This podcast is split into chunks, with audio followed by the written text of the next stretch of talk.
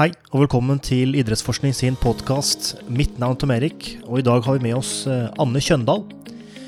Anne hun er førsteamanuensis ved Nord universitet, og forsker en del på dette med inkludering, ulikhet og kjønn. Konteksten disse tematikkene kommer til å bli tatt opp i, eh, er stort sett boksing, men vi er også eh, bl.a. innom e-sport. Hvilke utfordringer er det ved å ha en kjønnsubalanse hos utøverne slash trenere? Hvis vi oppnår balanse, hvilke positive aspekt medfører dette? Og er idretten så inkluderende som den fremstår å være? Alt dette, med mye mer, får du i denne podkasten. Og med det så ønsker jeg deg en god lytting. Velkommen til vår podkast, Anne Kjøndal. Tusen takk. Alt bra i nord, antar jeg du befinner deg i? Ja, absolutt. Det går greit. Er det Er det, er det Bodø? Ja, jeg er delvis i Bodø og delvis på Mo. Så eh, jeg pendler litt over Saltfjellet til daglig. Ja, ok, ok. Det veit jeg ikke helt hva innebærer, men uh, håper det ikke er langt å pendle, for det er jo alltid kjedelig. Altså Etter nordnorske standarder så er det ikke så langt. Det er ca. tre timer å kjøre. Ok, ok. Where's the furthest north you've been, Tom Eric? Uh, Levanger. No, I've been to Bodø. I've been to Bodø, actually. Yeah, in a, et intervju. Bare for å ta en sånn digresjon der, så husker jeg var på et uh, intervju i jeg tror det var Nordreisa videregående. Uh, der jeg hadde søkt jobb og var i et intervju. Og så sa han ene at han Ja, Nordreisa var knutepunktet mellom Alta og Tromsø, sa han. Og så spurte jeg ok, hvor langt er det til Tromsø, da? Nei, det er en to-tre timer. Ok, hvor langt er det til Alta, da? Nei, det er en to-tre timer. Så jeg skjønner hva du mener, Anne. Ja. Så Nei, men alt er relativt. Det er helt klart. Men velkommen skal du være. Tusen takk. Veldig artig å være med i podkast for første gang. Ja, ikke sant. Det er bra. Du, Anne, du er førsteamanuensis ved Nord universitet. Og du har også, slik jeg har forstått det, en førsteamanuensis to-stilling ved NTNU, stemmer ikke det? Jo, det stemmer. Og for at vi skal bli litt kjent med deg som gjest, så om du kan fortelle litt om deg sjøl i form av utdanning, forskning og jobb? Ja, selvfølgelig. Jeg har mastergrad i idrettsvitenskap fra NTNU i bunn. Og så, når jeg var ferdig med den, så jobba jeg noen år som Vittas på NTNU på idrettsvitenskap. Så åpna det seg en mulighet på Nord universitet, eller da var det faktisk Universitetet i Nordland, så det var før fusjonen. Mm. Der jeg kunne søke stipendiatstilling. Og så fikk jeg stipendiatstilling, og da var det en mulighet til å flytte hjem til Bodø. Så da gjorde jeg det, og skrev doktorgraden min i sosiologi om sosial innovasjon i idrett. Og når jeg var ferdig med det, så fikk jeg først midlertidig stilling som førsteamanuensis på Nord. Da. da hadde vi fusjonert og blitt Nord mens jeg var stipendiat. Mm. Og etter hvert fikk jeg fast stilling, og nå ruller det nå og går. Så jeg driver jo Eller jeg er jo leder for ei forskningsgruppe på idrett og samfunn. Så jeg er jo litt sånn Jeg syns det er veldig mange ting innenfor samfunnsvitenskapen eller den samfunnsvitenskapelige delen av idrettsvitenskap som er spennende. Så Mm. jeg har litt sånn problemer med å knytte meg bare til én liten del, da. Ja, det fikk jeg også inntrykk av når jeg skulle gjøre litt research rundt deg, fordi du hadde et veldig stort spekter av tematikker du hadde forsket på, som jeg fant veldig interessant, men også ganske så utfordrende. Så jeg er litt spent på hva denne episoden kommer til å hete til slutt. Ja, det er òg. så um, du har et bredt spekter og, og, og, finner mye interessant, og som du sier, klarer ikke helt å uh, låse deg til ett tema. Har du noen flere grunner til akkurat den, at du har den motivasjonen? Altså, jeg tror jo det bunner ned i at eh, det er liksom to ting, da. Eh, jeg er veldig, veldig glad i idrett. Det, jeg interesserer meg for, for veldig mye innenfor idrett. Um, og så er jeg jo eh, litt sånn metodenerd. Sånn at jeg Mm. syns jo det er veldig spennende med samfunnsvitenskapelig forskningsmetode.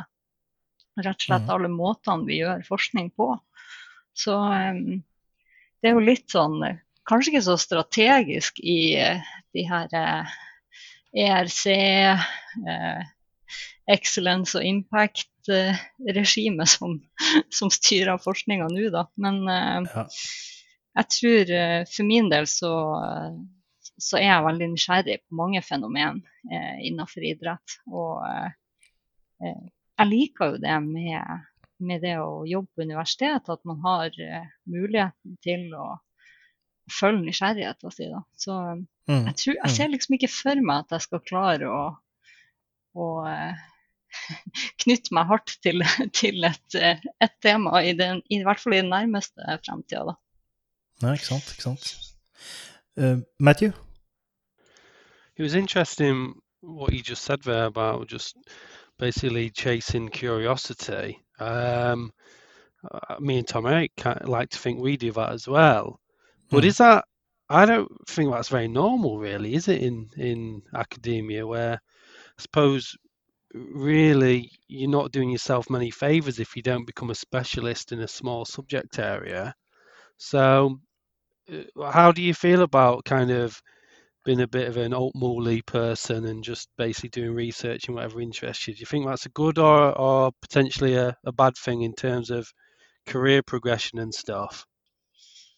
Jeg tror det er litt delt. Eh, fordi på den ene sida eh, så tenker jeg at jeg tror ikke det er så smart hvis du hvis du har et, en ambisjon og et stort mål om å f.eks. nå opp eh, i ERC og få eh, europeiske forskningsmidler. Eh, Mm. Det tenker jeg Det er jo til en viss grad i Forskningsrådet òg, men det er jo Man søker jo til en viss grad en ensretting med denne excellence-styringa.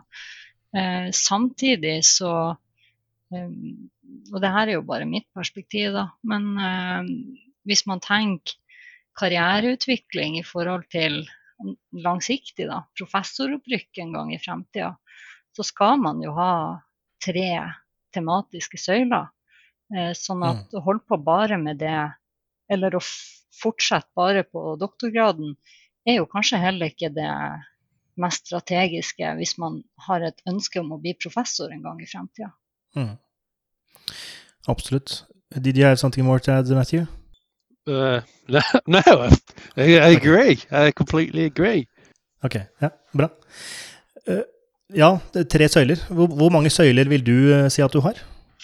Nei, jeg prøver jo å tenke eh, Jeg har liksom prøvd å, å begynne å pusle med hva, hva er mine tre søyler. Og, og um, jeg har jo Jeg tenker jo på en måte at jeg har det, da. Med eh, kjønn og ulikhet eh, som ett felt. Med teknologi og digitalisering og innovasjon eh, som ett felt. Et felt og mm. organisasjon og ledelse som det tredje feltet. Så Mm. eh, Altså sånn Man skal på en måte ikke være naiv, og det er jo bra å tenke strategisk, men for min del så tenker jeg at du må jo trives med det forskningsarbeidet du skal gjøre, og du må jo synes at det er nysgjerrig, altså at det er interessant og spennende, og, og, og føle at du bidrar til ny kunnskap som er viktig, da. Så, um, Mm. så det er en sånn balansegang, det der, tenker jeg. Hele tida. Og selvfølgelig knytta til hvilke mål man har. Absolutt. Og eh, ja, eh, du har jo ja, som sagt bred forskningserfaring, og de temaene du nevner, har vi jo sett eh, i din eh, portefølje. Um, og det jeg kanskje får mest inntrykk av, i hvert fall det inntrykket jeg sitter igjen med når jeg måte ser din oversikt, og den søylen som er størst, så vil vel kanskje være kjønn, kjønn og ulikhet. Og dette med inkludering, vil du Er det rett å anta? Absolutt. Uten tvil. Det er den, eh, den søyla som er mest velutvikla i min portefølje. Så jeg bør nok eh, jeg skal være strategisk, så bør jeg nok rette eh, forskninga mi mer mot eh, ledelse og organisasjon og eller teknologi og digitalisering. Mm. Men dette med kjønn og ulikhet, hva er det på en måte, hva, hvilke, hva er det du har forsket på innenfor der? Jeg har jo eh, definitivt eh, forska mest på kvinner i boksing. Eh, både som eh, utøvere og eh, trenere. Så eh, Mm. det merker jeg jo eh, ofte hvis noen har eh, lest noe jeg har skrevet, så er det ofte noen av artiklene mine knytta til boksing, da. Mm. Ja, for du er jo tidligere bokser og har vært uh, norgesmester, stemmer det? Ja, Det har jeg. Ikke sant? Um, og du er nå, i hvert fall får jeg inntrykk av et, av et par bilder, at du også er, kanskje er trener? Ja, jeg Altså, jeg bokser jo fortsatt, men mer sånn som mosjonist. men eh, jeg er trener i Bodø bokseklubb til daglig, og så er jeg hovedtrener for et eh, nasjonalt eh, prosjekt som heter Norway Female Box. Som Mm. eh, er satsingsprosjektet til Norges bokseforbund eh, retta mot eh, jenter. Da. Ok, ok. Matthew? I just want to know when you sleeping then. Nei, på natta. Men når ellers? um, men ok, kvinner i boksing. Ehm, I hvert fall eh, hvis jeg skal brette ut min boksekunnskap, som ikke er så veldig stort. Men da har vi jo Cecilia Brekkhus, som har gjort det veldig bra. Og så har vi vel også en eh, Dette blir mer kickboksing, men vi har vel en kvinnelig kickbokser som har vært veldig, veldig, veldig god. Også verdensmester flere ganger, har det ikke det? Jo da, altså kickboksinga, der er flere store profiler. Så eh, Mm. både på dame- og herresida. Eh, Boksinga så er jo Cecilia definitivt eh, det største navnet, og den som jeg tenker at flest nordmenn har et eh, forhold til. da. Mm. Hvor viktig tenker du det er? At, eh, at Cecilia er er såpass god og profilert eh, som hun er som kvinne i en, slik jeg oppfatter det, en kanskje litt mer mannsdominert idrett? Jeg tror det er kjempeviktig. Jeg tenker at eh, hun Cecilia har gjort mye for boksinga med tanke på eh, omdømme. Eh, hun er jo også eh, ei stor verdensstjerne, så eh, det er jo Mm. vanskelig å se for seg at eh, f.eks. forbudet mot proffboksing i Norge hadde blitt eh, eh, løfta eh, uten henne. da. Mm, mm, mm, mm. Absolutt. Ehm, hvilke, altså, hvilke ulikheter er det i bokseverdenen? Eh, du nevnte litt om dette med utøver- og trenerverden. Er det, hvilke data er det du har funnet ut, så hva er det de forteller deg? Tenkte du da på eh, kjønn, eller tenkte du utøver? Jeg tenkte på eh, boksing og kjønn, ja. ja. Nei, altså, boksing er jo eh, Altså, det er jo flere idretter som er mannsdominert, men eh, det er jo eh, eh, I Norge så er det jo rundt 26 eh, av medlemmene i Norges bokseforbund er jenter eller kvinner. Da. Sånn at eh, vi Mm. har jo faktisk ganske høy eh, kvinneandel sammenligna med jeg skal ikke si resten av verden, men store deler av verden. Eh, På trenersida er det ganske sier, Der står det ganske mye verre til. Eh, jeg har jo eh, sjøl tatt internasjonal eh, trenerutdannelse, og på verdensbasis så er det ca. 2% av eh, de internasjonale sertifiserte trenerne som er kvinner. Oi. Så eh, boksinga henger liksom igjen på mange fronter. Eh, både Mm. med utøvere og likestilling, og med trenere og med eh, ledere. Eh, sånn det tydeligste eksempelet på det er jo kanskje eh, OL. Kvinneboksing kom ikke med i OL før i 2012. Eh, og det er fortsatt Ok. eh, et stort gap eh, mellom antall eh, kvinnelige og mannlige eh, utøvere. Ok. Veit du noe om grunnen til det? Nei, det er jo eh, Altså, det er klart eh, I en kontekst der det er mannsdominans, så, så, skal det jo kanskje litt til å få eh, eh kvinne, kvinner på agendaen, da, eller kvinneidrett på agendaen. Um, så jeg tror nok bare Jeg tror nok det lider litt av eh, en mannsdominert kultur og rett og slett en overvekt av menn i, i alle ledd i, i akkurat vår idrett. da. Um, mm, mm. Men hvilke, hvilke videre uh, konsekvenser har dette for boksing generelt, og kanskje boksing i Norge, at det er en sånn uh, ulikhet i uh, både utøver- og på trenersida, der menn dominerer begge deler? I Norge så tenker jeg at konsekvensene er ikke så store på en måte, fordi at uh, vi har jo på en måte Bokseforbundet har jobba ganske målretta ganske lenge uh, for ja. å øke andelen kvinner i, både som utøvere og ledere. Og, og det er jo f.eks. det her prosjektet som, som jeg leder, er jo eh, et eksempel på det. Um, men eh, litt av utfordringa som jeg kjenner på, er jo eh, når man skal ta steget og bevege seg internasjonalt i vår idrett. For da møter mm. man andre holdninger og et litt annet bilde, da. Så, mm. så jeg tenker jo kanskje det er sånn for norske kvinner, eller for kvinner i norsk boksing ei utfordring.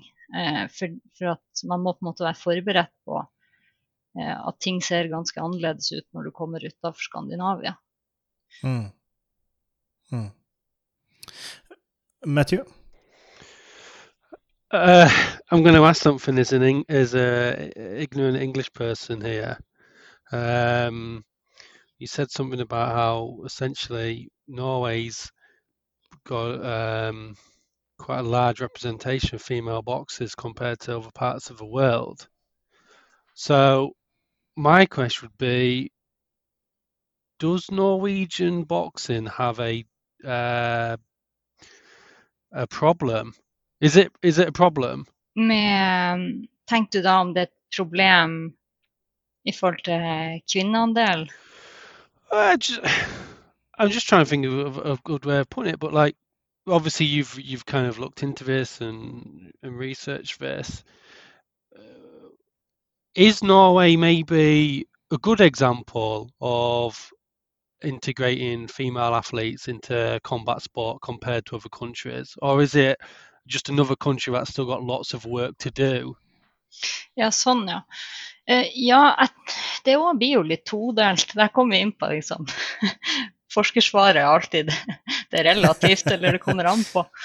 Men uh, det er jo selvfølgelig Vi er jo på mange måter Det gjelder jo ikke bare Norge, det gjelder jo Sverige og Danmark og uh, til en viss grad England òg, eh, kan jo være et sånn eksempel på best practice. På at vi har kommet langt. Og eh, i hvert fall i Norge så har vi jo sant, det, det, legges midler i, i, rekruttering og inkludering av kvinner. og, og strategier, sant, tiltak for å få utdanna flere kvinnelige trenere og dommere. Det ligger jo på mange måter milevis foran an mange andre land. Eh, men samtidig mm. så betyr jo ikke det at, at eh, liksom, ja, men da er vi ferdige her i Norge.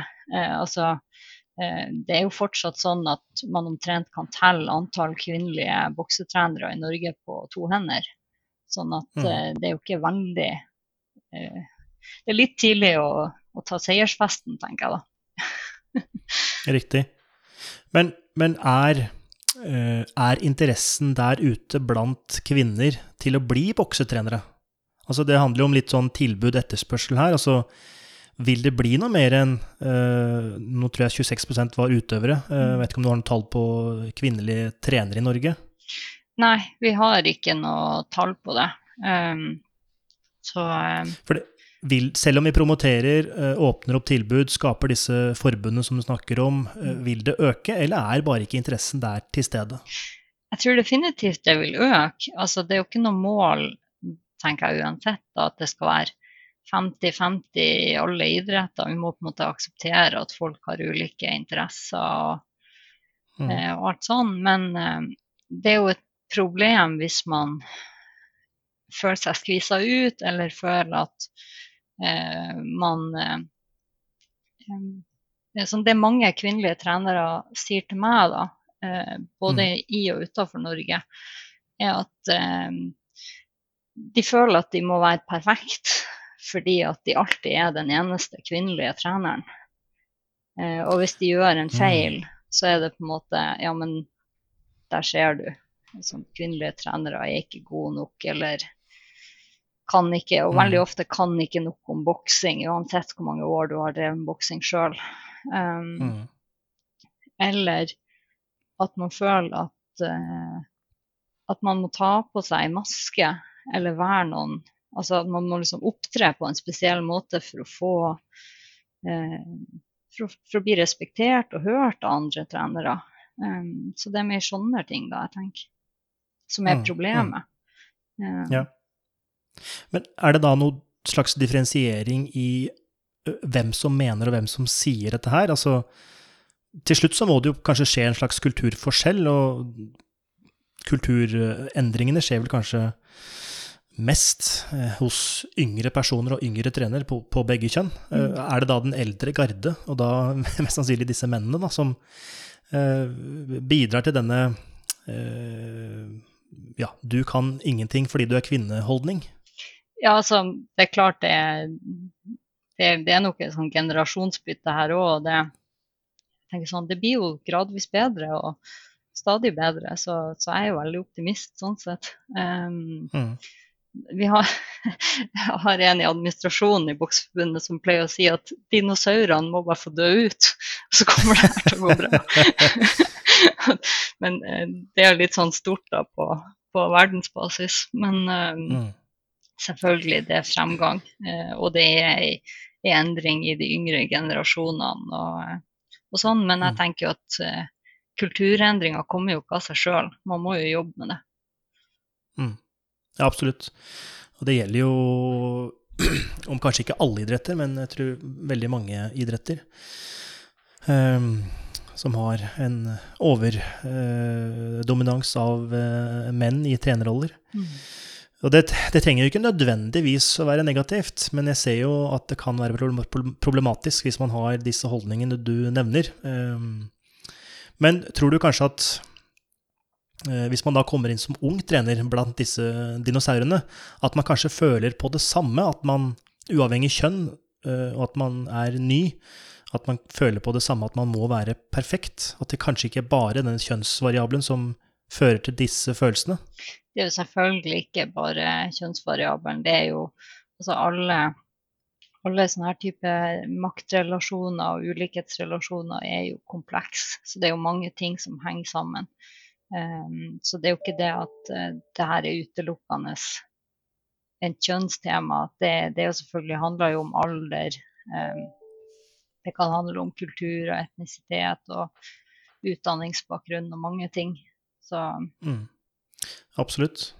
Eh, Hva tenker du eh, Hva tenker du Det å måtte ha en kanskje ikke 50-50, men kanskje en eh, nærmere, nærmere lik fordeling mellom menn og kvinner som trenere. Er det, hvilken styrke er det det i så fall gir for en utøver? Som har da mixed, altså begge kjønn eh, utøvere? det er jo ikke nødvendigvis altså sånn, Det er jo ikke nødvendigvis noe automatikk i at eh, hvis en utøver bare har et trenerteam av begge kjønn, så blir man bedre. Men jeg, Mm. jeg tenker jo mer sånn prinsipielt, da, eh, hvis man tenker mangfold, at jo større mangfold man har i type personer som er du kan si trenere eller ledere, eh, så Mm. tenker jeg at da vil man treffe flere. Sånn at et mangfoldig trenerteam eh, tenker jeg vil eh, bredere utover gruppa. Og, og eh, resultatet av det er jo forhåpentligvis da at man utvikler flere utøvere på høyere nivå eh, Mm. enn hva én konkret trener med en spesiell stil, bakgrunn, eh, Mm. erfaring vil gjøre. Eh, Så, så det er jo litt sånn jeg har tenkt på det, da.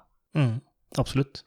Og dette, dette å ha en bredde i sitt trenerteam er helt, helt eh, fullstendig enig, slik at man kan treffe flere og få flere opp, eh, opp mot toppen for de som ønsker det. Um, Matthew. So I just wanted to ask um, about. I think it's a couple of papers, is it? Maybe one in Norwegian, one in one in English, probably the same project. Just the it was interesting about this um, work you've done on immigrant Muslim boxers. What's the title? Will God condemn me because I love boxing? That's a really interesting title. Mm. I suppose it's in relation to what you've just said. How how did that come about, or kind of why why have you looked at that specific context? Was there any reasons for that? Was it a research thing, or was it a personal thing, or was it kind of both? Nei, eh, altså sånn Det, det er jo litt eh, det, Jeg bruker å si at det er et datamateriale som jeg har litt sånn ramla på eller gikk meg inn i, fordi eh, eh, sant, jeg er jo Boksing er jo min lidenskap. Jeg bruker, jeg bruker tid på boksing hver dag i en eller annen form. Mm.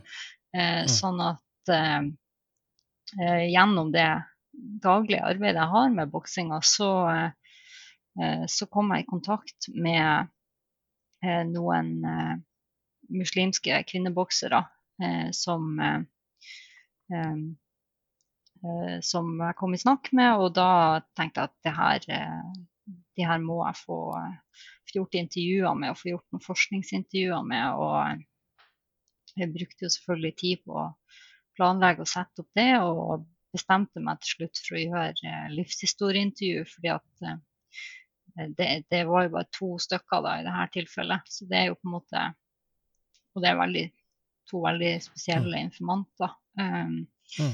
Så, um, så det, det artikkelen der er jo på en måte Det er jo Det må jo leses som en sånn et sånn counter-narrative, eller en sånn fortelling på hvordan en norsk idrettskontekst kan se ut fra et Mm. ståsted. Um, og, eh, og det viser jo noen eh, av de utfordringene da konkret som har vært i boksinga før nå eh, hijab ble tillatt. Eh, og det som er interessant der, syns jeg, er jo at eh, det er jo veldig mange paralleller til andre idretter som har hatt de samme diskusjonene, fotball f.eks. Um, så, så det er jo på en måte det, det er jo en tematikk eh, som går på kultur og til dels idrettsbekledning og kjønn eh, og religion, da, eh, som, Mm. eh, eh, som ikke er unik for boksinga. Eh, Absolutt. Eh, men du sa hijab ikke var lov? Eller? Ja. det, i, i boksing? Ah, ok. det stemmer. Nei, det visste jeg ikke. Så nå er det lov, da. Eh, eller det, det har aldri vært eksplisitt forbudt, men det har vært et regelverk som har vært åpen for tolkning. Eh, og det kommer egentlig ganske godt frem i eh, den norske artikkelen, fordi eh, da får du på en måte frem noen av frustrasjonene med det å være idrettsutøver og aldri helt vite hva som blir godtatt av bekledning da, før du skal konkurrere. Um, Mm. og rett og slett det stresset det medfører for en idrettsutøver som, eh, som er, sånn er på en konkurranse for å prestere, uh, men som samtidig sant, har en kulturell bakgrunn og en religion som gjør at uh, man ønsker en spesifikk bekledning. Mm. Så, eh, så det mener jeg det var et stort fremsteg, fremsteg for kvinneboksere verden over når eh, det internasjonale bokseforbundet godkjente hijaben.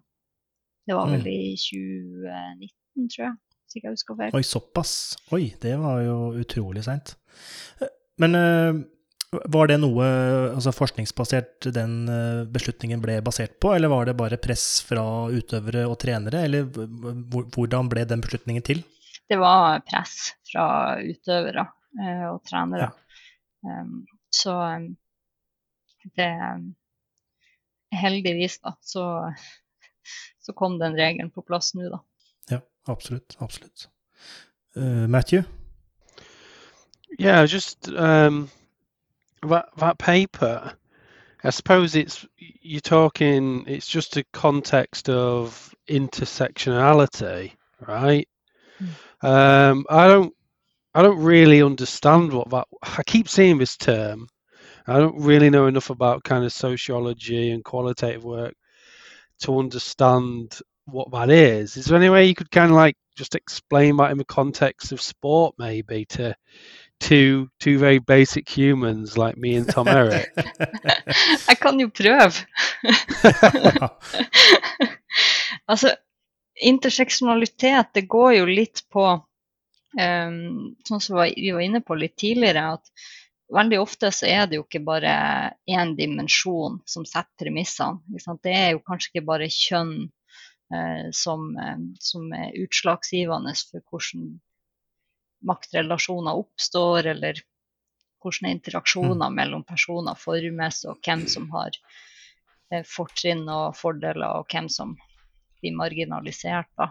så interseksjonalitet som teoretisk begrep går jo på rett og slett å, eh, å akseptere og ta hensyn til at det ofte er en kombinasjon av ulike eh, hva man skal kalle det, da, eh, egenskaper, sosiale markører, dimensjoner, som sammen mm. påvirker og gjør at eh, enkelte grupper blir eh, marginalisert, som ville være tilfellet med de muslimske kvinnebokserne, eller at enkelte grupper eh, ja, får eh, forrang eller eh, på en måte autoritet enklere enn andre, som man kan tenke på andre sida en, en etnisk norsk eh, middelaldrende eh, mannlig trener.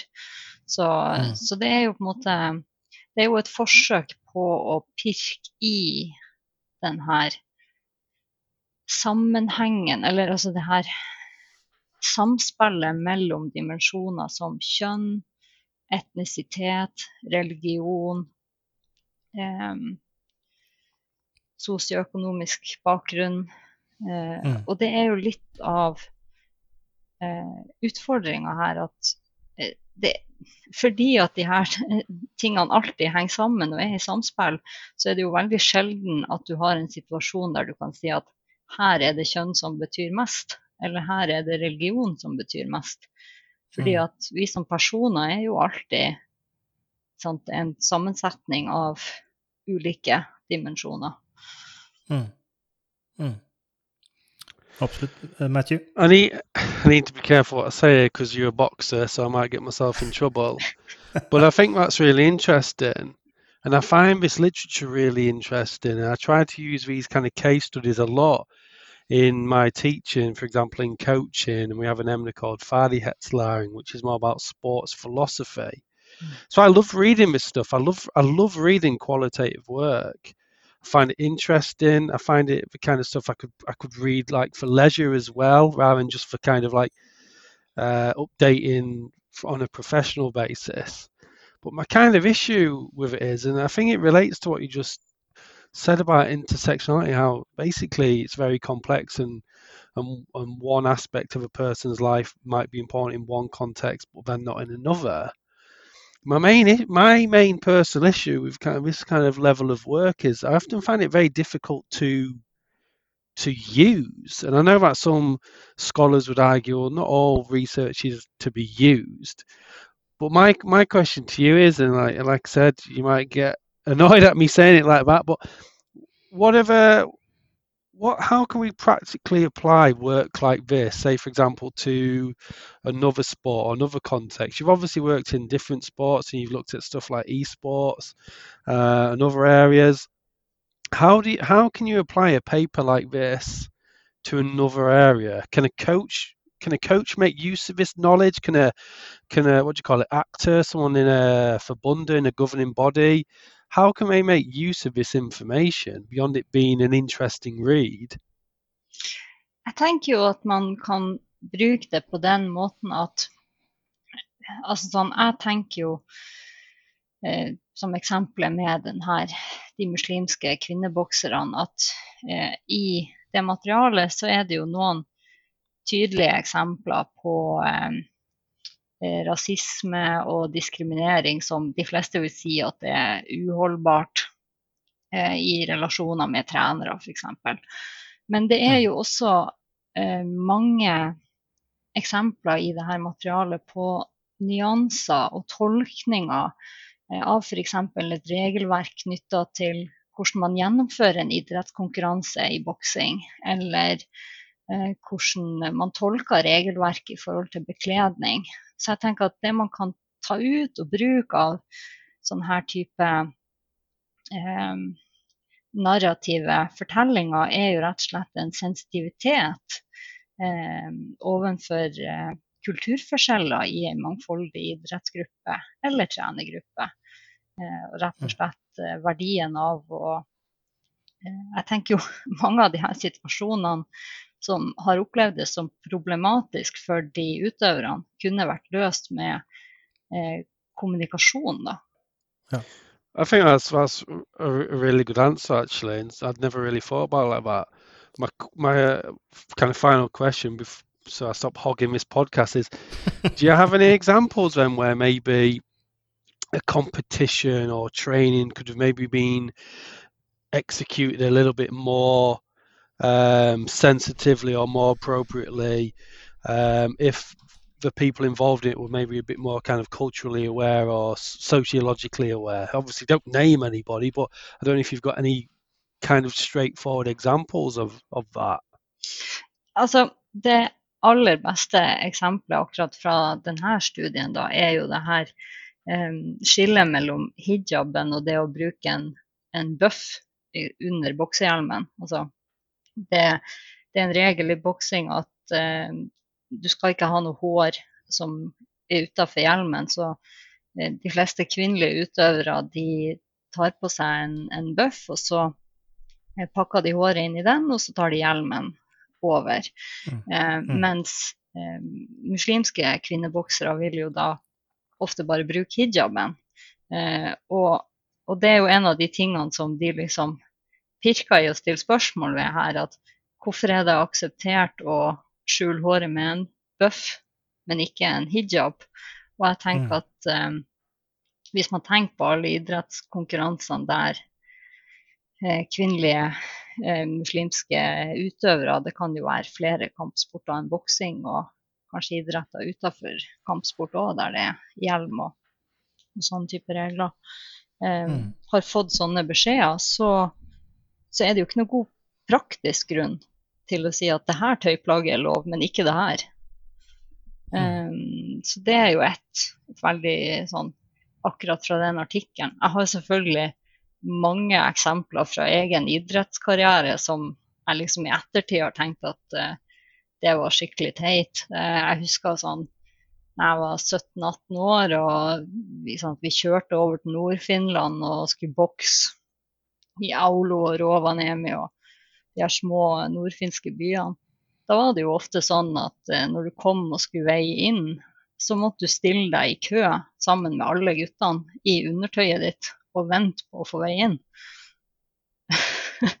og det er jo sånn, tenker jeg da. Jeg tenkte ikke noe over det, fordi jeg hadde bare lyst til å, å bokse. Men, mm, men, i mm. ettertid så jeg tenkt at det er sikkert, eh, det er sikkert noen jenter som har blitt skremt bort av den der køen med 100 pluss gutter. ja, det, det, er, ja, det er jo sånn klassisk uh, at uh, Jeg antar at det var kanskje en mannlig uh, Dette er en hva skal jeg si, regel som menn har funnet på, det, det vet jeg ikke. Men at man uavhengig kjønn behandler alle som likt, da, men at referansepunktet er kanskje menn. Og de sto der sikkert i bokseren sjøl, antar jeg. Uh, men uh, absolutt det jeg tror jeg kan være litt skremmende. Men det vil jo kanskje gjelde for begge kjønn også? Ja, ja, ikke sant. Men det er jo liksom noe det, det, det, er jo igjen det har jo, det har jo blitt flere og flere kvinnelige boksere. Men sånn Så i dag er det jo ofte det er jo sjelden den eneste jenta, da, eller en av to på turnering. Men uh, mm. jeg husker jeg kjente på det sjøl. Uh, der var Mm. kanskje Jeg visste på hele stevnet så var det bare jeg som hadde kvinnekamp, ikke sant. Så det var meg og min motstander. Så var det kanskje 20 guttekamper. Mm. Da er du Men ikke veldig den- høy på hatten. Nei, det skjønner jeg veldig godt. Eh, Men har den regelen endra seg, eller har det bare blitt flere jenter nå, slik at man eh, i hvert fall ikke er aleine? Altså i, eh, i skandinavisk kontekst, og i, altså i, i hvert fall i Nord-Europa sånn, så, så veier man jo nå inn eh, kvinneboksere i eget rom med da en kvinne som noterer vekta. Det var jo også Det var jo en sånn overgang der fra å stå naken i gangen eh, til å, Mm. å få komme inn på et, eh, et eh, rom der det var tre menn som skulle se hvor tung du var, til å få komme inn på et rom der det satt ei dame. Så det har blitt bedre. Men igjen, det er jo sånn Det handler jo om kultur. Jeg tror ikke det nødvendigvis er sånn at de her mannfolkene som satt og noterte vekta, tenkte noe over det. Det er bare at sånn har det vært, og sånn har vi gjort det. Og plutselig er det noen jenter her. Hva gjør vi med de? Absolutt. Det Og vi har jo Jeg skal ikke gå for mye inn på det, men det å Som jeg kom på Vi hadde jo en trening om Nei, episode på eh, dette med kvinner og trening eh, i forhold til eh, menstruasjonssyklus, som har egentlig ganske mye å si for dette med periodisering og hvordan man burde legge opp treninga. Eh, Er det noe du tenker på som kvinnelig trener, som mest sannsynlig også har kvinnelige utøvere? Ja, jeg tenker på det, men eh, jeg skal ærlig innrømme at eh, jeg kan for lite om det sjøl. Og Ja. det er rett og slett fordi at det er ikke et tema i trenerutdanningene. Sånn at Ok. eh, Og ikke sant, jeg har samfunnsvitenskapelig bakgrunn, sånn at Mm. jeg kan jo si at jeg har jo noen kroppsliggjorte erfaringer av hvordan menstruasjon påvirker min egen trenings... Eh, altså min periodisering og liksom mine prestasjoner. Og, og særlig i forhold til det å skal kutte vekt og alt sånt som er en del av gamet i, i kampsporter. Eh, men eh, men eh, der tenker jeg, i hvert fall i boksinga, så har vi, der har vi et arbeid å gjøre. fordi at eh, det er ikke et tema i vår trenerutdanning. Sånn at de trenerne vi utdanner, vi, de, de har ikke kunnskap om det. Med mindre de har tatt initiativet andre plasser. Mm. Og det vil nok mest sannsynlig også gjelde flere idretter, eh, både Norge og på verdensbasis. Så det tror jeg ikke dere er aleine om. Men eh, det er nok noe som mest sannsynlig kommer med åra. Men eh, alle sånne ting tar jo ekstremt eh, lang tid, eh, dessverre. Men ja, sånn, sånn, sånn er det nå. Men det er iallfall et aspekt jeg tror potensielt kan være positivt, da, med å kanskje få en mer jevn fordeling med både kvinner og menn, slik at man kan bruke sine egenopplevde opplevelser, sånn som du sa nå, til å vite litt om ok, hun presterer ikke så godt nå, hva er grunnen til det? Eh, Det kan være millioner grunner, men jeg tror ikke vi menn tenker på at ja, kanskje hun er i en menstruasjonssyklus, eller at det påvirker negativt da, på en eller annen måte. Eller positivt, for så vidt. Nei, absolutt. Og det er liksom, i hvert fall når du er ung, da. Og, så det er ikke så lett å fortelle din mannlige trener hvorfor du sliter med det siste kiloet. Nei, ikke sant. Og det er jo også noe jeg har tenkt litt på, at det å kutte vekt for jenter må jo være tøffere enn for gutter, på av eh, eh, Altså, en, eh, en fettprosent på guttene kan være lavere enn for jentene før det begynner å bli farlig. Og der må det jo være noe utfordringen med det å kutte vekt, for det baserer seg best mest sannsynlig på vann og fett, gjør det ikke det? Jo, altså Og igjen, ikke sant, jeg er ikke naturviter, så jeg skal ikke liksom rote meg inn i det. Og jeg har jo aldri vært mann heller, så jeg vet ikke hvor mye lettere det ville vært. Men, eh, men det er klart eh, jeg, har jo, jeg tenker jo mer som prinsipp, da. At hvis du som eh, kvinne på 62 kilo eh, skal gå ned to kilo, så er jo det kanskje tøffere enn mann på 82 som eh, skal gå ned to kilo. Mm. Eh, Mm. Bare pga. størrelse og prosent og kroppsvekt, rett og slett.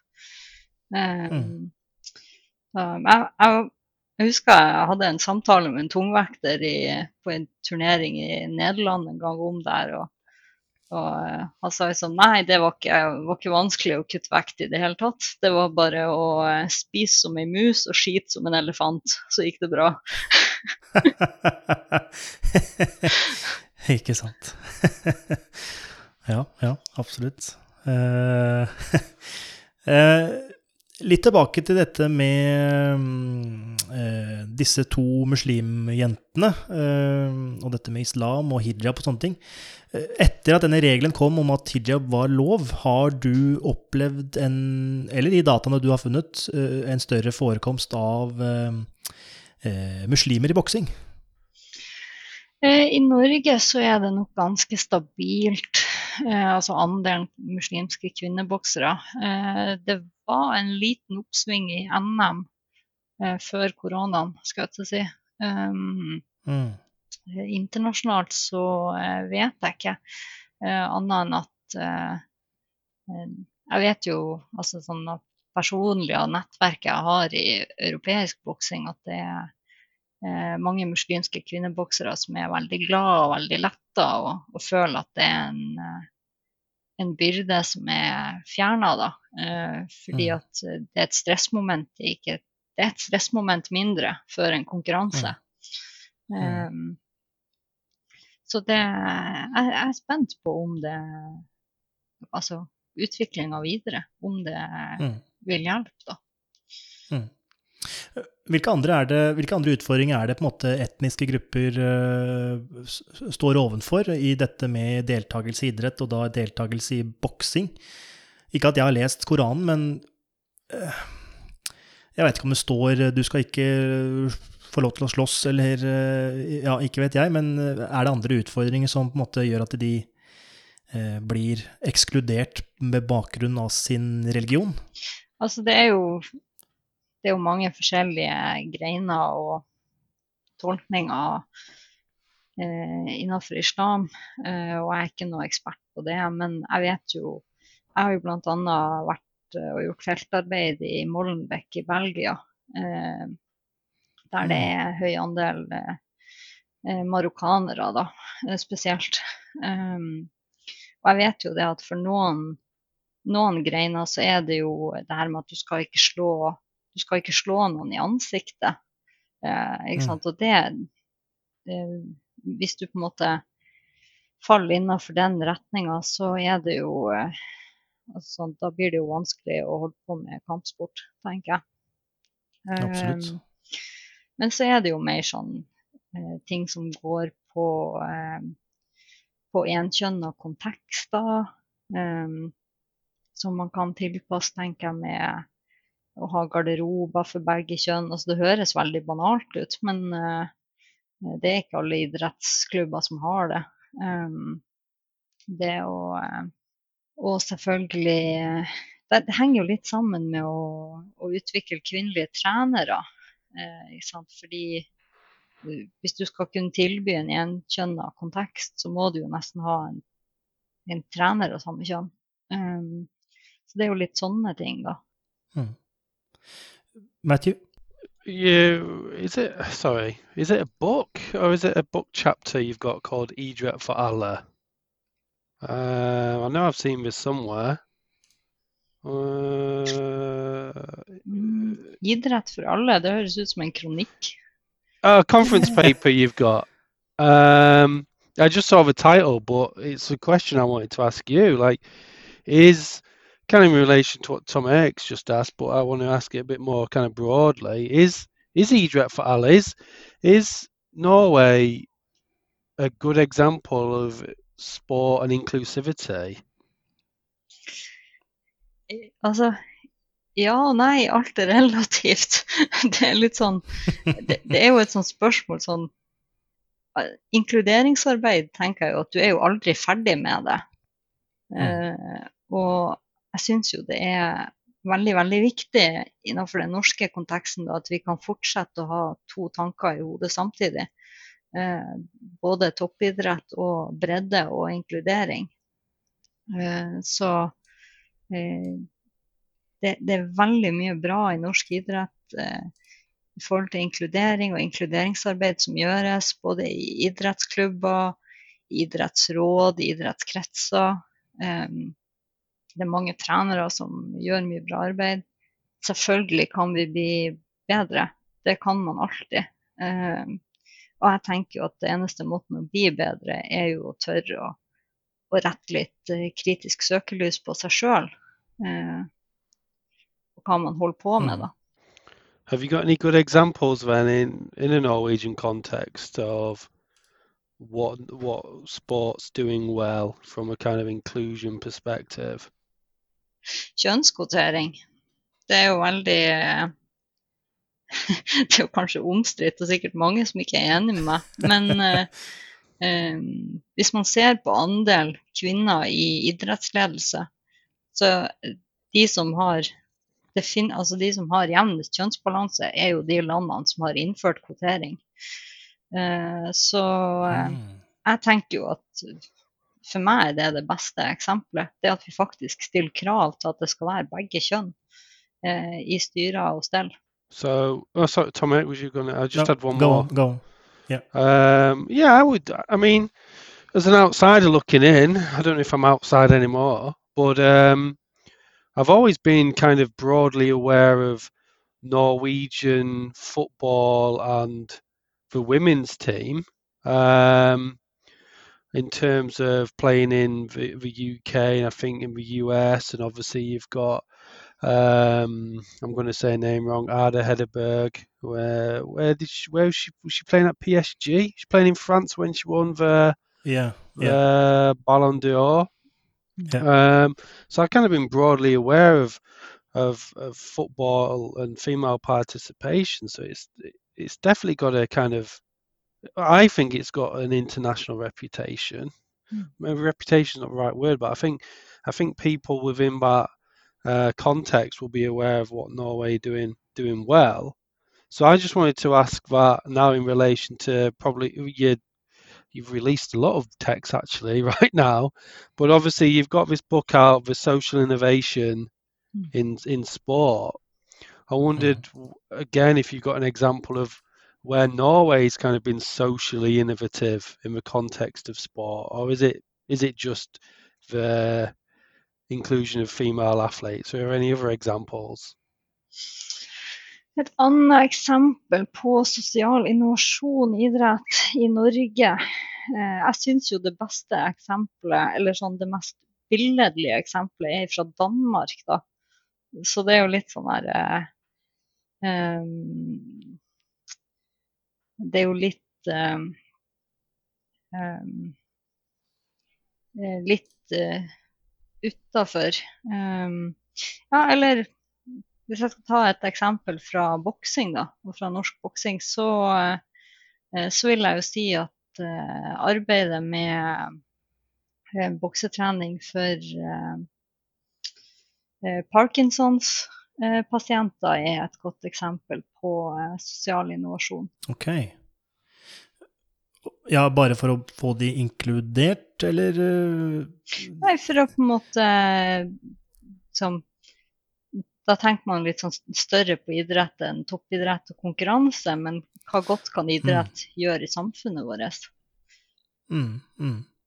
Så inkludering kan jo på en måte være begge veiene. Det kan jo være idrett for å inkludere folk i samfunnet, altså en typisk integrering.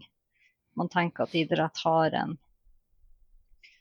ja, noen egenskaper eller en funksjon som gjør at det kan være en inkluderingsarena, eller in integreringsarena, da. Mens eh, Mm. så kan man jo snu på det og tenke inkludering i idrett. Hvordan skal alle ha mulighet til å drive med idrett? Så det er jo to litt sånn To, to litt forskjellige vinklinger samtidig. Ja.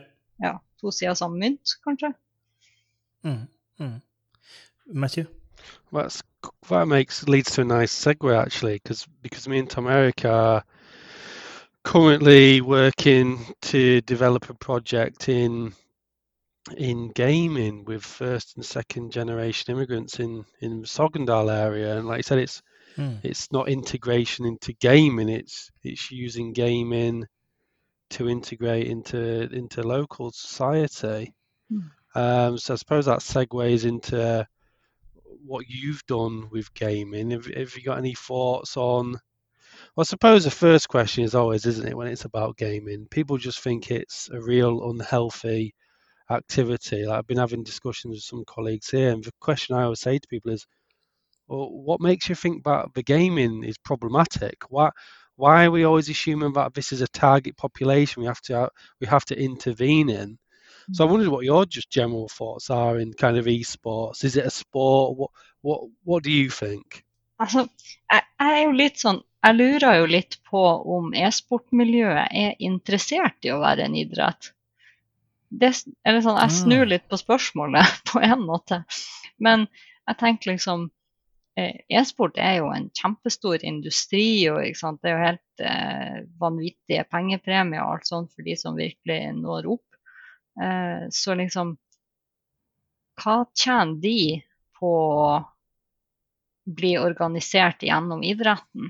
Eh, og svaret på det er jo kanskje gjennom OL prestisje og anerkjennelse, og litt sånn det du sier, da, Matthew, at det liksom det er noen sånn holdninger om at gaming er noe usunt.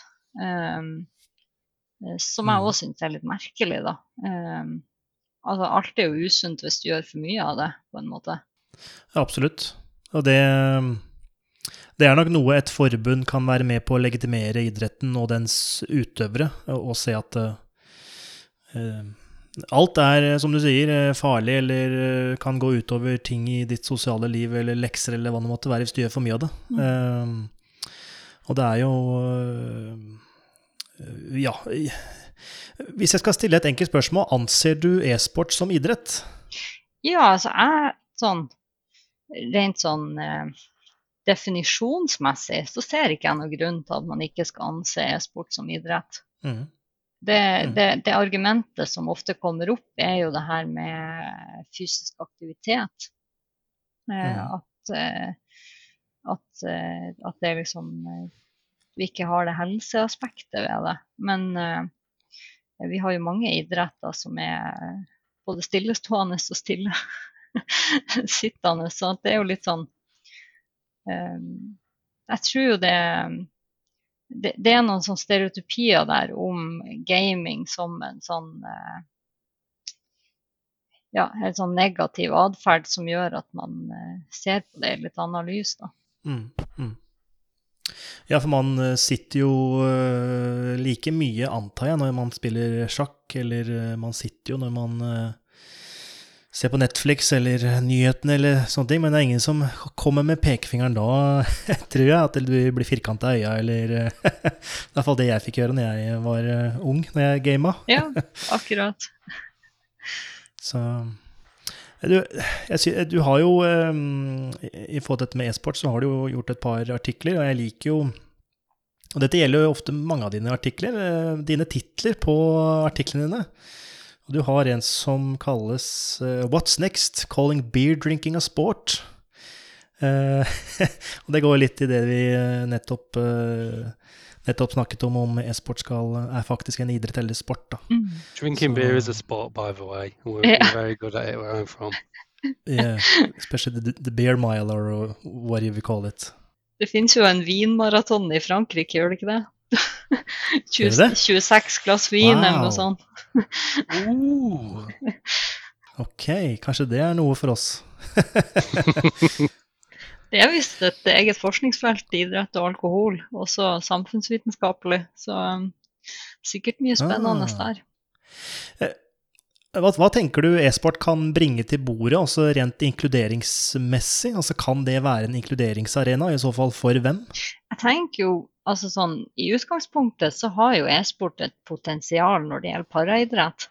Eh, og det kan du si, det mm. gjelder jo alle idrettene som eh, eh, ja, har, eh, er mer taktisk, teknisk, eh, har mindre, mindre krav til fys fysikk. da. Mm. Men noe som jeg syns er litt interessant der, er jo fordi at det er jo noe av begrunnelsen IOC eh, legger til grunn for sitt eh, sitt, litt hardt å si sitt arbeid, men deres interesse da, eh, for e-sport i OL.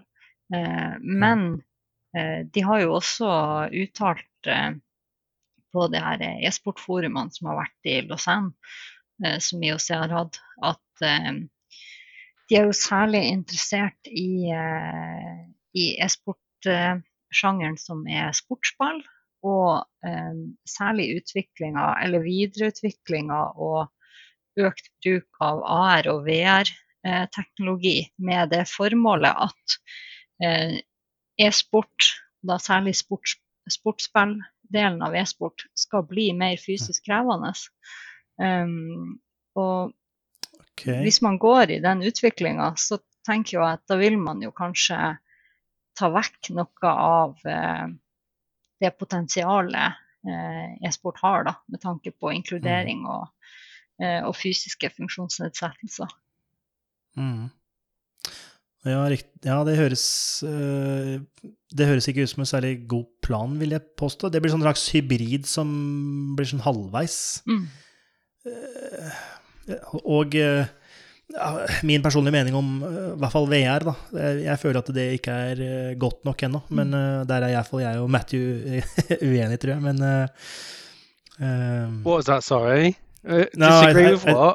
No, I think uh, I, I'm just not as um, uh, pleased with the VR as you uh, are. I think. Uh, wh- Why? When have I been like a champion of VR? Although you Yeah, gotta admit, Beat Saber is a very good game. Yeah, it's uh, yeah, I agree. Uh, men, det, men VR på en måte for meg blir litt mer sånn gimmick-aktig. At det er kult uh, i to uker, og så legger man det fra seg. Dessverre. Uh, så jeg tror No, I agree det with that. I agree with that. Ja, ok. Ja, ja. Um, og det tror jeg også det forslaget til IOC kommer til å være, at det er en folk gidder ikke å gjøre det, fordi gamere er gamere, og de mest sannsynlig liker å, å trykke og sitte. Uh, uh, selv om det er uh, nyttig absolutt for en e-sportutøver og for så gamer å, å bevege seg, det um, er det vel også noe forskning som tyder på at man blir bedre av å ehm, bevege seg litt. Ehm, kanskje ikke som en toppidrettsutøver, men eh, i hvert fall som en mosjonist. Mm, det er klart det. Det er jo jeg tenker på et sånt tredje element i det her, er jo at sportsspill, som er det IOC primært er interessert i skal bli en del av idrett, eller av den olympiske idrettsbevegelsen, da, eh, er jo en relativt liten sjanger eh, i eh, e-sportverden. Sånn at Mm.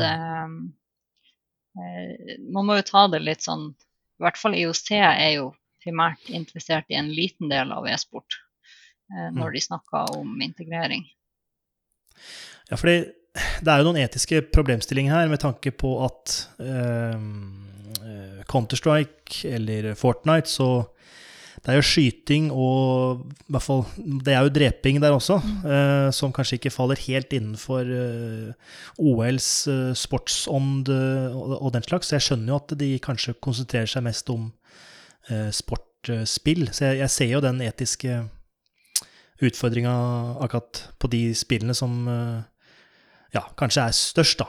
For det handler jo om å ta motstanderens liv, egentlig. Ja, absolutt. Altså, det er jo eh, På en måte kan man jo si at eh, det er jo ikke rart at IOC er interessert i sportsspillene. Fordi at det er jo de som De etterligner jo mange Ja. idretter som allerede er olympisk.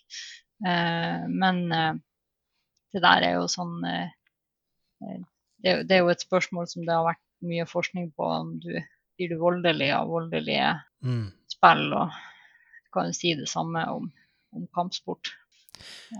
Ja, og der, i hvert fall det jeg har lest, så tror jeg ikke det har noe særlig sammenheng hvis du ikke har en uh, uh, forutsettelse for å bli det. Eller du må ha noe ekstraordinært i din ho hode eller skrått for å bli påvirket av det. Mm. Um, Just in relation to that, um, just having a relook at that uh, Youth Sport 2.0 paper. Um, and there's a little bit about there's this potential for esports to promote positive mental health and stress relief and having more social inclusion. But then you and your colleague wrote something about there's no evidence really to suggest that esports can contribute to better mental health. What has your thoughts changed since writing that, or what what do you think about that that idea? Is it still very unclear at the moment as to what are the positive psychological benefits of e-sport? Yes, vi har jo lite forskning på det i Norge. Det kommer jo mer og mer internasjonalt. Det er jo nettopp etablert eh, en, eh, internasjonal, et internasjonalt tidsskrift for e-sportsforskning. Uh, og jeg Mm. vet jo bl.a. at i, uh, i Tyskland uh, og i Polen er det noen forskningsmiljøer som er mer på e-sport og mental helse, psykologi.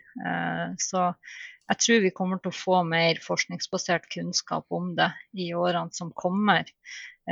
Poenget i, i U-sport 2.0 da, eh, var mer at eh, det er ikke noe altså, det, er ikke noe grunn til å tro at e-sport skal ha noe andre um, eller bieffekter som ikke vanlig idrett, eller det vi har etablert som idrett i dag, har. Um, det handler jo på en måte om eh, personene, altså de individene som tiltrekkes de her idrettene. Eh, sånn at e-sport kan jo ha positive eh, både psykisk, altså psykiske helseeffekter for noen, eh, og ikke for andre, akkurat som fotball kan ha det, eller boksing eller ski eller um, Mm. Så det er jo på en måte ikke noe grunn til å tenke at det er noe sånn enestående unikt med e-sport akkurat nå, da, tenker jeg. Nei, nei. Det var vel en eh, En studie fra Mener det var i fjor eller i år. Uh, jeg husker ikke helt hva den heter, men det var sånn uh, Cochrane study, eller uh, litt usikker på hva det egentlig betyr, men det er i hvert fall veldig mange personer ofte i disse studiene. Mm. Men der var det i hvert fall en korrelasjon mellom gaming og depresjon, eller de som gamet mer enn vanlig, var mindre deprimerte. Ja. Um, do you remember this, Matthew? I sent you this article. Do you remember this article? Yeah, Coch- uh, Cochrane report, Cochrane study. Yeah, yeah, yeah. Yeah, um, several thousand participants, wasn't it? Yeah, but I just think this was a correlation, not um, Mm. probably difficult to have a cause, um, causation. Is it that in English? yeah. Yeah, yeah. Det er, jo- det er jo også litt som en sånn Man må jo skille litt her mellom gaming, sånn som casual gaming, og Mm. konkurransegaming, eh, Mm. som jeg tenker e-sport er, da. Ja, absolutt.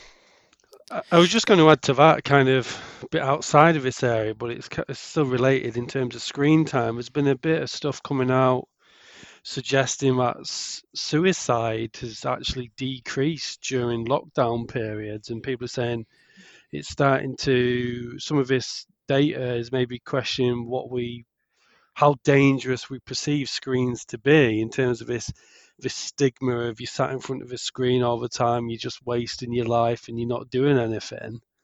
Um, so I think it is far more complicated than people people understand, and I really like. I, I keep going back to this paper because I really like it. About there's a story in it about a, a chap, a guy with, I think he's in a wheelchair, right? Um, died relatively young, like early 20s, and his parents thought he was basically lonely, always gaming. And if I remember right, didn't like lots of people attend his funeral from like all over the world? Basically, people he played games with, and his parents like, what the hell?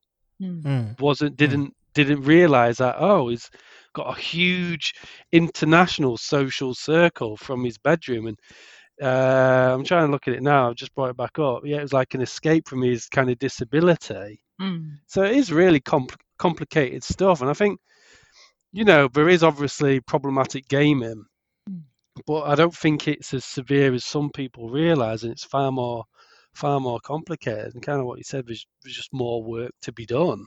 Yeah, absolutt. Og altså, du kan jo bli avhengig av gaming akkurat som du kan bli avhengig av idrett, og du kan trene for mye. og Sånn at eh, jeg tror òg det er veldig komplekst og veldig personavhengig. Og nettopp denne fortellinga om eh, Gutten heter vel Matt, som ikke jeg husker feil. Eh, er et godt eksempel på det, da. Mm. Så da er vi jo Mm. kanskje litt tilbake på interseksjonalitet òg. At det er liksom Ja. det, det er mange ting som spiller inn. Både hvilken Mm. kropp du har med fysiske forutsetninger og kjønn og alder og Mm. miljøet rundt. Absolutt. I think absolutt. what this idea of intersectionality makes me think is don't just make an assumption, really. Like in a sports Mm. context, don't assume, oh, this person is doing that for that reason, or Mm. this relationship is um, in this way. This coach athlete relationship might look like something that it's not. I suppose it's just about not make not jumping to any conclusion really that's my practical takeaway from viewing something from the theoretical perspective of intersectionality just just don't make any kind of decision based on essentially limited information which is probably something we all do too much just in every aspect of life Mm. Absolutt. Syns det var en fin tolkning. Ja. Veldig bra. Um, vi har jo snakket om uh, inkludering, og egentlig inkludering i ulike kontekster. Uh, i, ja, egentlig. Uh, men det til slutt her, så har jeg lyst til å um, ta kanskje noe som er eh, veldig aktuelt. Eh, dessverre. Vi er fortsatt i en pandemi, og du har en eh, slags Eller du har en artikkel på dette med mm, trening under pandemien eh, i, hos boksere og boksetrenere. Der du har brukt hashtaggen 'quarantine workout'. Mm. Og det handler litt om dette med inkludering, og få folk til å inkluderes fortsatt i det idrettslige miljøet, boksemiljøet, mm. når vi er eh, fra hverandre rent fysisk. Eh, kan du fortelle litt om den studien, og hva du fant ut, og hvilke opplevelser du har sjøl som trener og mosjonistutøver, slik du forklarte det sjøl under denne pandemien? Jo, altså um, det, som, eh, det som jeg så på, var jo egentlig hvordan boksere og eh, boksetrenere brukte eh, digitale verktøy eh, under pandemien. Både eh, i form av eh, eh, motivasjon og på en måte dokumentere trening og sånn på sosiale medier, men da særlig eh, det her med å bruke digitale verktøy til å organisere trening. da. Eh, F.eks. Eh, live-trening hjemme i stua. Um, Mm. Og eh, um, i boksinga så Det tror jeg nok er for mange Det gjelder nok mange idretter òg. Eh, andre idretter. Men eh, det er jo ganske sånn eh, stor spredning mellom hvordan eh, trenere og klubber eh, har benytta seg av digitale verktøy til trening under pandemien. Og, og selvfølgelig Jeg tenker jo det handler jo om ressurser i de ulike klubbene. Eh, både trenerressurser og kompetansen med digitale verktøy eh, som de trenerne har. Eh, Mm. Men eh, jeg ser jo det at det er noen, noen trenere eh, som har brukt digitale verktøy ganske flittig og jevnlig. eh, og, eh, og hadde holdt oppe treningsopplegg med utøverne sine gjennom digitale verktøy under pandemien. Men eh, jeg må jo si sjøl, da, eh, både for boksinga, men også eh, Jeg sitter jo Jeg er jo styreleder av Bodø idrettsråd, så jeg hører jo mye eh, Mm. om alle idrettene i Bodø, da i hvert fall. Eh, og eh, det er mange trenere og idrettsledere som er veldig bekymra eh, for hvordan klubbene deres ser ut etter pandemien. Eh, så, eh, så det er i Men har, Ja, beklager. har f.eks. av din klubb, da, mm. samsvarer de funnene dine med din klubb? Nå vet jeg ikke om eh, datagrunnlaget var faktisk din klubb og med mer, men mm. det du har funnet ut, samsvaret samsvarer med det du har gjort eller eh, opplevd sjøl? Ja, altså Min klubb er jo en av de klubbene som, som har uh, benytta seg av digitale verktøy. Så, så mm. vi på en måte samsvarer jo med en del av det, da. Vi er jo i den kategorien som, eh, som har gjort det, eh, eller har benytta seg av det og prøvd å holde i gang motivasjonen hos våre utøvere da, gjennom mm. digitale treningsøkter, bl.a. Men det er klart det Nå snakker jeg bare for min egen del, men det er jo en utholdenhetsprøve å skal ja, gå et år på digital trening. Det er jo ikke det samme som å være i bokselokalet. På ingen måte. Nei. Um, men har du opplevd noe um, samtale med utøvere der de føler lite motivasjon, eller dropouts, eller uh, folk eller bokserne har blitt eh, dårligere på et eller annet vis, eller no, ja, sånne ting? Ja, eh, og det, det, er jo bare samtaler, det er jo ikke noe eh, sånn forsknings... Men eh, jeg hatt mange samtaler mm. med både boksere og andre idrettsutøvere som kjenner på det, og jeg tror jo særlig eh, altså de som satser og er toppidrettsutøvere eller satser på en toppidretts karriere og trena mye og skulle vært ute i verden og konkurrert. Jeg tror jo eh, jeg tror det her sliter på motivasjonen til mange av dem, da særlig. Det tror jeg helt klart, og det tror jeg er eh, ganske eh, likt over hele fjøla mm. eh, i Idretts-Norge, og for så vidt idrettsverden. Jeg har nå sett eh, ganske mange digitale økter, både på TV2 og for oss mosjonister, og mer for disse mm, ja, klubben Både jeg og Matthew heier på Liverpool, sett øktene deres også. Eh, så jeg ser at det blir benyttet i ganske stor grad, og forhåpentligvis med så stort hell som mulig, selv om det er ikke det samme som en fysisk uh, treningssamling, helt klart. Bra. Da tenker jeg vi eh, nærmer oss slutten, ja, Anne. Føler du sjøl at du har kommet innom det du ønsket å komme innom, rent innholdsmessig? Ja, altså jeg forventa meg jo egentlig en sånn samtale om stort og smått av faglige ting, så vi har jo vært innom eh, litt av hvert, vil jeg si. Ja, det vil jeg absolutt være enig i. Så eh, Og dette har nok vært en litt eh, annen tematikk enn det vi kanskje har vanligvis, der vi har et litt mer samfunnsvitenskapelig perspektiv på ting. Eh, selv om jeg litt tidlig prøvde å dra det litt utover på naturvitenskapen. Det, det får du ikke meg med på. på. Nei, ikke sant. Så jeg kjente sjøl at jeg måtte skjerpe meg litt. Eh, men jeg håper det gikk fint. Ja, Matthew? Yeah, I've actually got a question based on what you just said there, Tomek. Um, obviously, yeah, we kind of have very kind of traditional kind of positivist scientists on here usually in terms of this is a research project.